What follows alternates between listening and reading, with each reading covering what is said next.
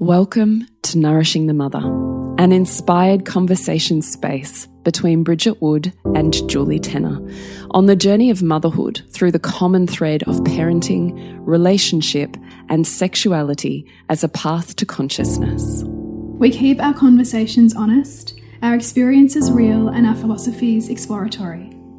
We believe that in order to raise incredible humans, we first have to raise ourselves. We know that in order to rock the family, you've got to nourish the mother. If you are here, you care about paving a path of conscious and intentional motherhood, connected with yourself and your gifts, and also illuminating your children in theirs so we may raise more whole humans who can impact this world in a more humane way. If you desire to integrate your learnings practically and supportively, head on over to bridgetwood.life or julietenner.love to go deeper. And for all live streamed, pre release podcasts and all our free content, head over to our free Facebook group, Nourishing the Mother with Bridget Wood and Julie Tenner. We are Julie Tenner and Bridget Wood, and we are so grateful you're here. Hello, and welcome to Nourishing the Mother. I'm Bridget Wood. And I'm Julie Tenner. And today's podcast is The Isolation and Loneliness of Motherhood is Real. And it follows a really beautiful email from a listener, which we just absolutely heartfelt adore and send out a huge, heartwarming, huge hug sense of gratitude because it's such a beautiful experience to read and feel another woman's truth. So mm. we're hugely grateful. And then to be able to extend that out with a conversation, a podcast feels like medicine for us. So thank you very much to that beautiful listener. Before we jump into today's podcast, I'd love to remind you to jump on to nourishingthemother.com.au, scroll on down to the red banner, drop in your email, and you are part of our community. And we will send you an email every so often mm. with all of the links that you need to be able to dive deeper where you would like to dive deeper. So come find out what's going on at nourishingthemother.com.au. So the email goes Hi, Julie and Bridget. I am emailing you to let you know how much an impact your podcast has had throughout my entire mothering journey thus far. There have been times when I have felt truly hopeless and lost, and then turned to your podcast for help. You articulate experiences that I am in the midst of, emotions that I am feeling in full force, but have not yet been able to explain because I don't have the vocabulary or points of reference to understand what I'm going through with my 18 month old. Oh, right now I am actually trying not to burst into tears. It's been an extremely hard few months. In the last months, I have come to realize that society is not organized to support mothers, fathers, parents. I am so isolated. I feel alone, as if I am doing this motherhood thing on my own. This is not something that I anticipated. I ask other mothers about this and how they are feeling, and they feel the same. Why? How do we solve this issue? It feels like mother's group, daycare, help from my mum twice a week is not enough. I feel like we're all struggling without knowing how to change things. Is or is motherhood just as destined to be hard and stressful 90% of the time? There are times when I'm not the mother I thought I would be, simply because I am so fucking exhausted, I don't even know myself. Anyway, without putting the pressure on. I hope you realize how spectacular the space you've created for mothers really is. I have learnt more from you both and feel more connected by listening to your conversations than I have through interactions with my own mother. The conversations hold the listener and are deeply nourishing. I am so grateful for your support. Jen. Ugh. Just like my heart wants to break and melt and weep and do all of the things at once. I know, right? Yeah. Because, you know, Julie and I can sit here and have these conversations and wonder if anyone's actually listening. you know? totally true. Who knows? we just put it out into the ether and see who picks it up. So it, it really is deeply, deeply um, fulfilling for us to hear that these these conversations are a lifeline for some mothers. Um, that just makes them so worth having for us. It really does. So we would really love to be able to meet your conversation where you have so beautifully led it. beautiful listener, Jen. And where we want to begin with that is self validation. Mm, yes, because we can't, we can't if the, we can't ask the outer world to love the pieces of us that we're struggling or can't love or can't own or can't validate. It's futile. They mirror reflections, really. So, mm. you know, you only feel seen to the extent you see yourself and validated to the extent that you value yourself. Mm. And if you have lived a life thus far looking for that sense of fullness from an external world in which this entire world is orchestrated toward for us for us to do that this is the problem with sticker charts and praise and systems orchestrated for good behavior that is rewarded and bad behavior that is punished mm. you are not alone we literally as a culture are programmed mm. to look uh, for the validation and sense of achievement, success, and self as reflected externally. You know, hierarchies and ladders of success and trajectories that are mapped out and clearly tangible. So I really want you to know that even as you hear us say, we've got to stop looking for the validation outside of ourselves is that we say that not with a sense of shame or harsh critique, but with a sense of deep knowing that because this world does not validate the experience of mothers or value the gifts and the service of motherhood, you must. Mm. You must lead the change. You must see your worth and prove it to your own conscious mind over and over. Mm. Because or else that fall from being orchestrated into a system of good girl, bad girl, and receiving praise at school and praise from peers and praise from parents and praise from boys and praise from professors and praise from family as you get the whatever job that you have trained to get and then praise from the um, manager or from your boss and you know like you become trained to look for that sense of self and validation literally outside of you. So then you come to motherhood and there is no boss and there is no one saying good job. And really 98% of the work you do, no one sees. Mm. We are setting mothers up for a pretty significant fall. Enormously so. And that is also, I think, why so many mothers who may not even like their jobs, value their jobs, really want to leave their children when they're really little do, because at least in a job, someone's going to see them, mm. right?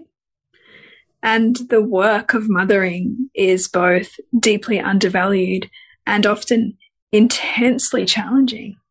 Mm. Totally. And so it's like a, this double edged sword that if you're not practiced at, at, um, knowing how to wield in a way that means that you can extract the delight and extract the meaning in what can feel like, you know, breaking open, that it can be really seductive to subordinate to that system that will have you perform for your worthiness. Mm. Yeah, exactly. Ouch. Mm. So, when it comes to is motherhood just a hard slog all of the time? No, I don't think that it has to be. But if you are stuck in the sludge and the mud, then I would say that you're not seeing the grace and the beauty that is you and your everyday motions. Mm -hmm. And so, before there can be a change in a larger system that sees and supports mothers, there has to be a grassroots movement that begins with you, mm. that begins with I see what I do. I see the impact I'm having on this world. Mm. I value what it is that I'm working so hard at every day and how I'm stretching and morphing every day and transforming every day. And I bow at the feet of that. Mm. And people feel that reverence and that honor from you. You don't even have to say it out loud. They can, they can feel it. Mm. And even those people that don't value motherhood or that, you know, because that's going to happen because we have different value systems. Mm. And some of us really value motherhood as like the, the path of the greatest everything. And just equally so, there's some of us that really do not. And that has nothing to do with motherhood. And that has nothing to do with you. It's mm. just values mm. specifically tailored to that one soul's growth. So it doesn't mean anything other than that's not the path for that one soul. Mm. But it is my path. How do I know that it's my path? Because I'm better when I'm in it you know, when I've lost myself and I'm feeling shit and funky and like, who the heck am I? I make sure I spend a good solid two days of zero work, zero anything else, zero distractions, just being around my kids. It's like a trip to a, the biggest day spa I've ever been at mm. because it's my top value. Mm. But it may not be yours. Mm. And that doesn't mean anything. It doesn't mean you don't love your children. It doesn't mean anything other than, is this the most inspiring path for me right now? And if the answer is yes, then you've got to be courageously willing to see that. You've got to be courageously willing to really breathe in the grace and love that is present in the tiny moments of wonder with a lit up smile from one child. Mm. Or when you could lose yourself in those eyes when you know you've connected on such a deep level that they're like, I don't know, feels like I'm drinking in this warm grandmother's soup as I gaze into that connection in the eyes of my child. Mm. So you've got to see the impact you're having first before anyone else in the world can see it or chooses to see it. And if you're not feeling valued in that, there may be that you need more rest or you need to be seen in how hard it is because nothing has to change. But what can make an enormous impact is just being seen in your struggle. Mm there is a massive difference between me being stoic and putting on, you know, a stiff upper lip and just kind of like gritting my teeth and getting through a day that's been fucking brutal versus me having a setup with my partner that's like, I need some listening time tonight. Today's been fucking rough. And him just seeing and witnessing me as I let the authenticity of everything I've been holding in that day pour out of me to be seen and witnessed in that authenticity changes it immediately. And I am no longer stuck in the sludge of holding on to the sludge. Mm. It's gone from my body. I'm seen. I'm validated in that moment because my struggle and my pain is recognized. I'm not on an island on my own hey, this thing happened. I, I need to share this with you. What do you need? Is always the question that comes back. That's a setup conversation with my partner. What do you need? Mm. Ah, well, after I've got it all out and my body's back and I've not dysregulated and holding on to old stuck feelings and old back pocket arguments, oh, then I'm free. What do I need? Fuck, what do I need? What do I need to feel really good? What do I need to enjoy my day? Oh, that's right. I need, I need these things. I forget, I forgot. I forgot I need a really good lunch. That's right. I haven't been preparing that. I forgot that I, I need early nights. What do I need to have an early night? There's usually only three or four things that you really honestly need for your own well-being and care. Mm. But we so often forget them. And sometimes too, it can be a pattern of like, if you're not paying attention to that, then you'll be a, you'll be on a on a pattern of like, okay, well, I need something different. Then I just need different, and then you load yourself up with a Netflix series or too much time scrolling, or which actually still just leave you empty and more conflicted often. And so I love that reminder of it's often those simplest building blocks. Mm. It really is. So you've got to value yourself first. So if your pain is not being witnessed, if your struggle is not being seen in a way that feels like it hits that sweet spot and you kind of erupt and empty, and then you're back to feeling regulated and harmonious and in connection and love. If that isn't the state that you're starting at, that has to be step number one. Mm. You can't connect if you're so full of content and stress and pressure and pain and unmet needs that they're like, and you can't even feel a baseline to be able to connect. Mm. So that has to be number one. I think number two, then really needs to be that you are stacking the evidence for the value in the work that you do to contribute to this one child, to contribute to the pattern changes and cycle changes of a lineage, which is no small task. Holy moly. Yeah, it's enormous. Right?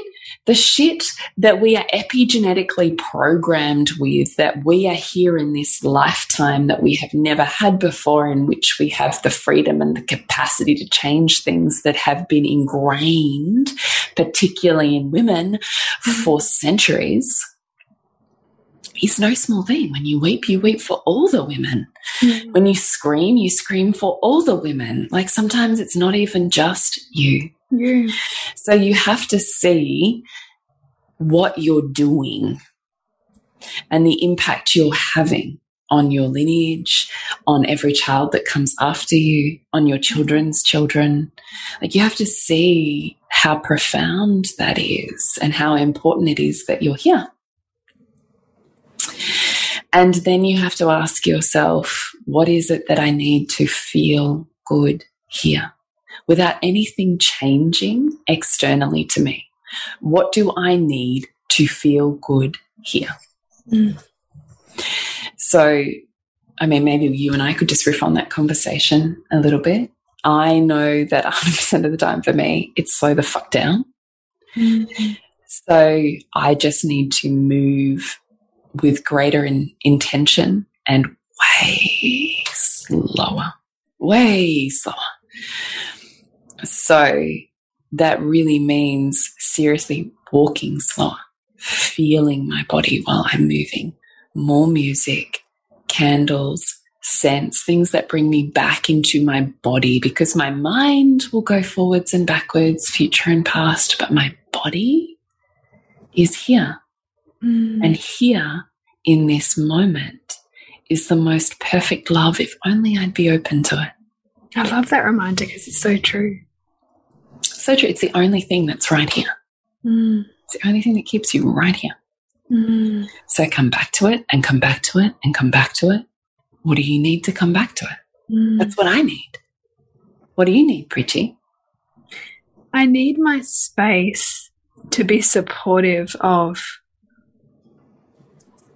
that connection to my body. So for me, I feel scattered often and overwhelmed when I all I look is where, where everywhere I look, there's a surface that's saying, "Do something with me," you know, like.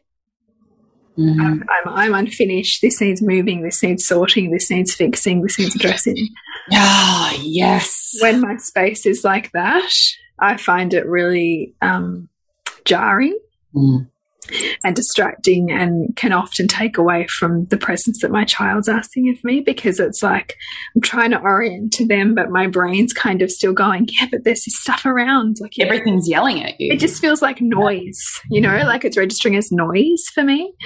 Um, and so that for me is something, um, in addition to that, the, sl the slowing down and, and also noticing when I'm seeking more input like content um, as escape when actually I need to orient to my immediate environment and how that environment could shift to help me come back more into my body and into this present moment. And so, so how can I create that? And also how can I support my family to want to create that too? Mm. because I don't believe that it's all my job either. Totes, what does that mean?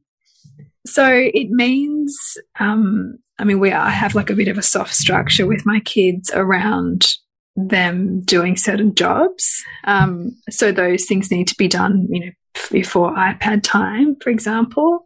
Um, and that I know that my nights particularly are set up so that they have a really strong rhythm to them. Um, that means that I don't feel overwhelmed by them, that I can flow through each of those phases of the evening um, without feeling like I'm trying to hurry them to bed, for example. Um, and so that feels really supportive to me to be able to know that that holds me. And therefore, because that holds me, I can hold them through these like these transitions. Um, yeah. But yeah, the, the structure to create that freedom is really important, I think. Mm. I think we would both offer also please go back to the recent podcast on finding your people, finding yeah. your can't remember what we titled it. Yeah. something like that, wasn't it? I think it was around the, yeah, finding your community. I think I can't remember the exact word, but it was it was all about you know the conversation around the absence of the village and and therefore where is the village because we can long for that physical village of days gone by where, you know, the women washed together and, you know, everything, we, we cooked together and it was deeply communal. Um, but to be caught in the past like that um, has our hearts longing and and wishing things were different. Whereas I think, as you and I love to do, we love to ask, well, where's the new form of that? Like, where is it transformed? Because no energy is destroyed, it's just changing form. So, where is the village now? And we see a lot of it online. And it's possible to create deeply nurturing, connected relationships mm -hmm. online that can then also pave the way to physical um, communities that you can create and that often ask you to let go of your assumptions of who you think your peeps are too and find you know common ground among diverse women mm. and that they can be your community amen and the last point that we wanted to Oh, it's kind of the same point, actually. I was say the last point we had three points down here that we really wanted to sit with was that no one else will see you if you're not seeing you. Mm -hmm. So, but I think really what we want to sit in is also, um, I think we probably had that third point first. So let's go back to our original one, which is just actually really seeing and sitting in the experience that is feeling deeply isolated mm. and deeply lonely, even though what I hear from this listener is, you know, I have mother's group once a week. I have childcare once a week, I think. I have my mum twice a week. Like, that for me is an amazing amount of support. I've never had a mum around me. I've mm. never had daycare. Mm. And I've had a mother's group that I had to find because the one I ended up in wasn't great.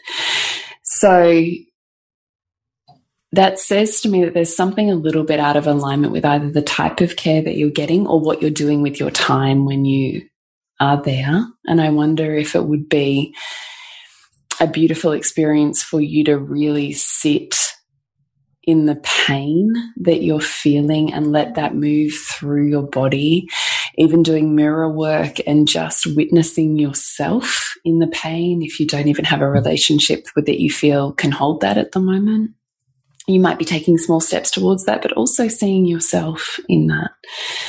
Because it's so interesting, isn't it, that even with potentially having people around you every day, you can still feel deeply lonely in motherhood. Mm. But that really means there's pieces of you that are not being met or that are being hidden. Mm. And therefore can't be touched or seen or known because it's not deeply restorative or nurturing. So, isolation and loneliness in motherhood is absolutely a real experience because you are raising these humans what feels like largely on your own mm. and no one sees the extent the extent to which you go through to to do that deep and profound work and it's relentless Mm. There is no lunch break. There is no nine to five. There are no holidays. There are no sick days. In fact, parenting when you're sick is literally the pits. Yeah. It's literally the worst. It is the worst. So I just think also we've got to realize the enormity of the task. We have never in human history ever had to do what we're doing now. Even back in our, what we might consider our idealized versions of village living or the 50s where women potentially didn't work or, you know, who knows, even up to the 70s. We were still in houses, communities, courts and streets where all of the kids hung out together. Mm, it's true. Where we house jumped because mm. no one had cars or moved around or yeah.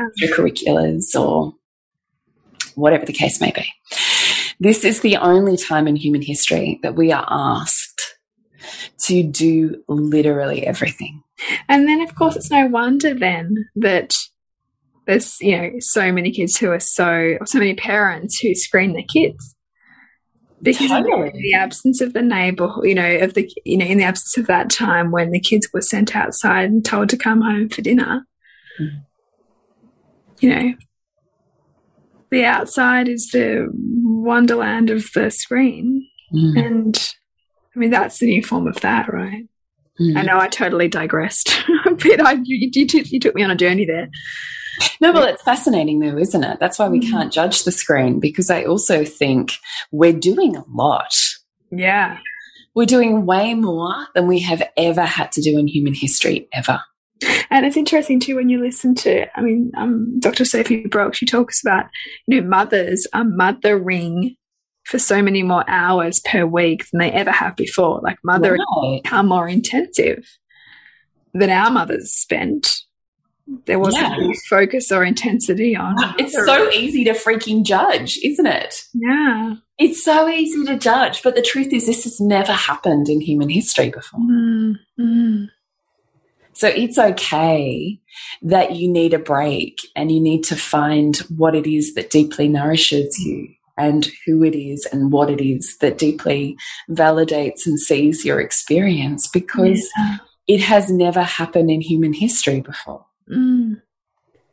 Not with your mother, not with your grandmother. It's never happened before. Yeah. So we probably just need to look at motherhood with a slightly different context and lens. Mm. I really deeply want you to know that um, when it really gets hard, just get out of the house. That that's the best. Like honestly, that I remember with my first baby and like that being just the difference in my day. Totally. And I think most mothers would agree, like it just needing to get out of the four walls.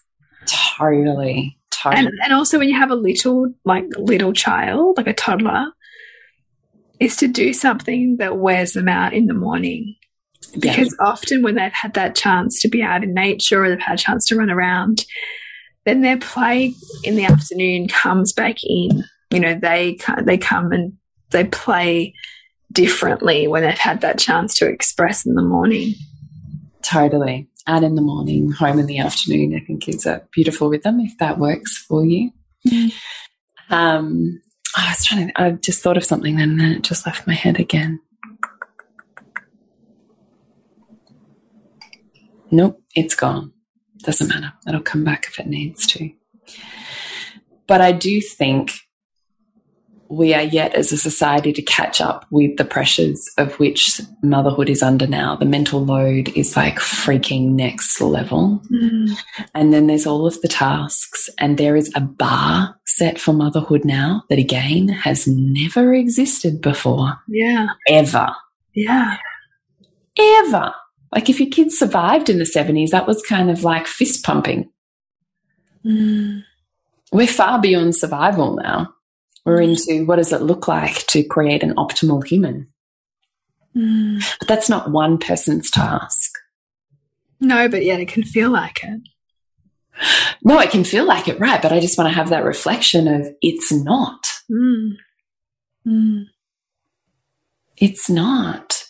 So the isolation and the sense of loneliness is real because you're spending so much time doing the minutiae of little humans learning and the tasks of cleaning and picking up after someone that can have you feeling like Cinderella.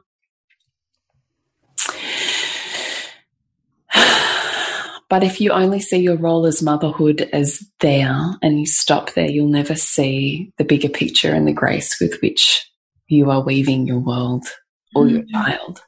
So do you want you to see bigger, see see the grace with which you're doing? I think you do that greater when you're out in nature and you're moving around and doing things. I think that gets to be really beautiful to really see and witness your child outside of your home environment, I think is really affirming mm. and really beautiful.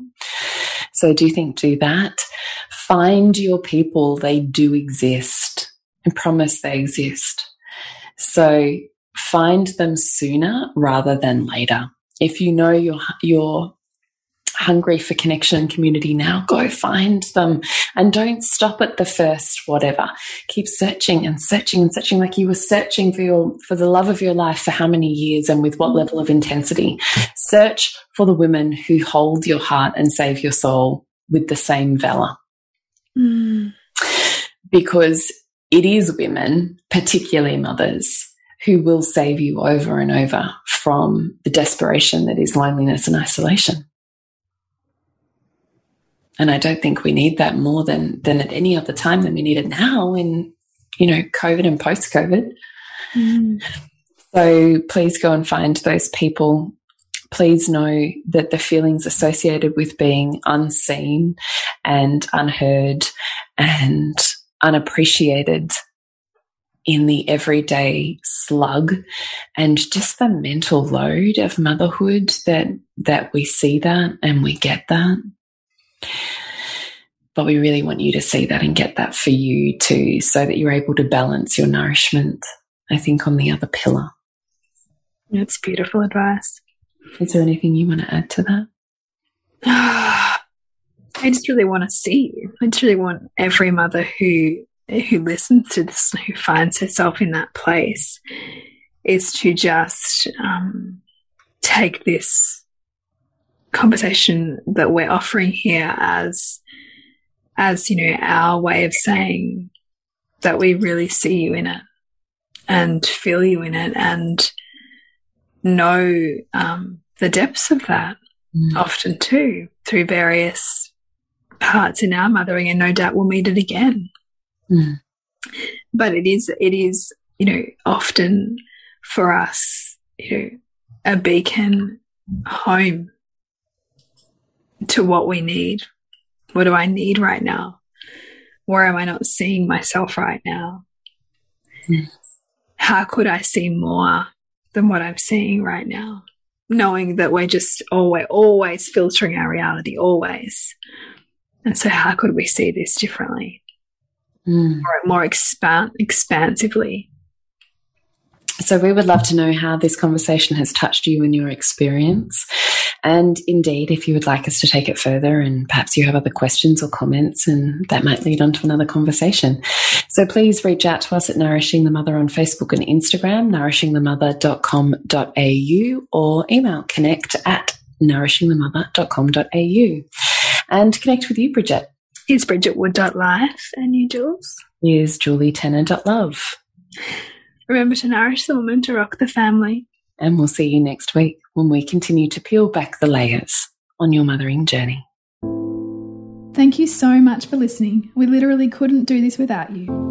Please share this podcast with anyone you think it would be medicine for.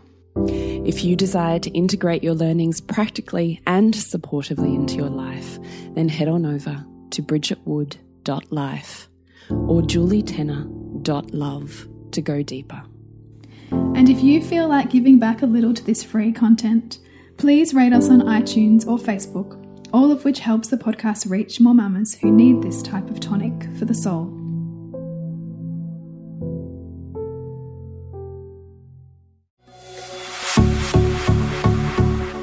This has been a production of TheWellnessCouch.com. Check us out on Facebook and join in the conversation on Facebook.com forward slash The Wellness Couch. Subscribe to each show on iTunes and check us out on Twitter. The Wellness Couch, streaming wellness into your lives.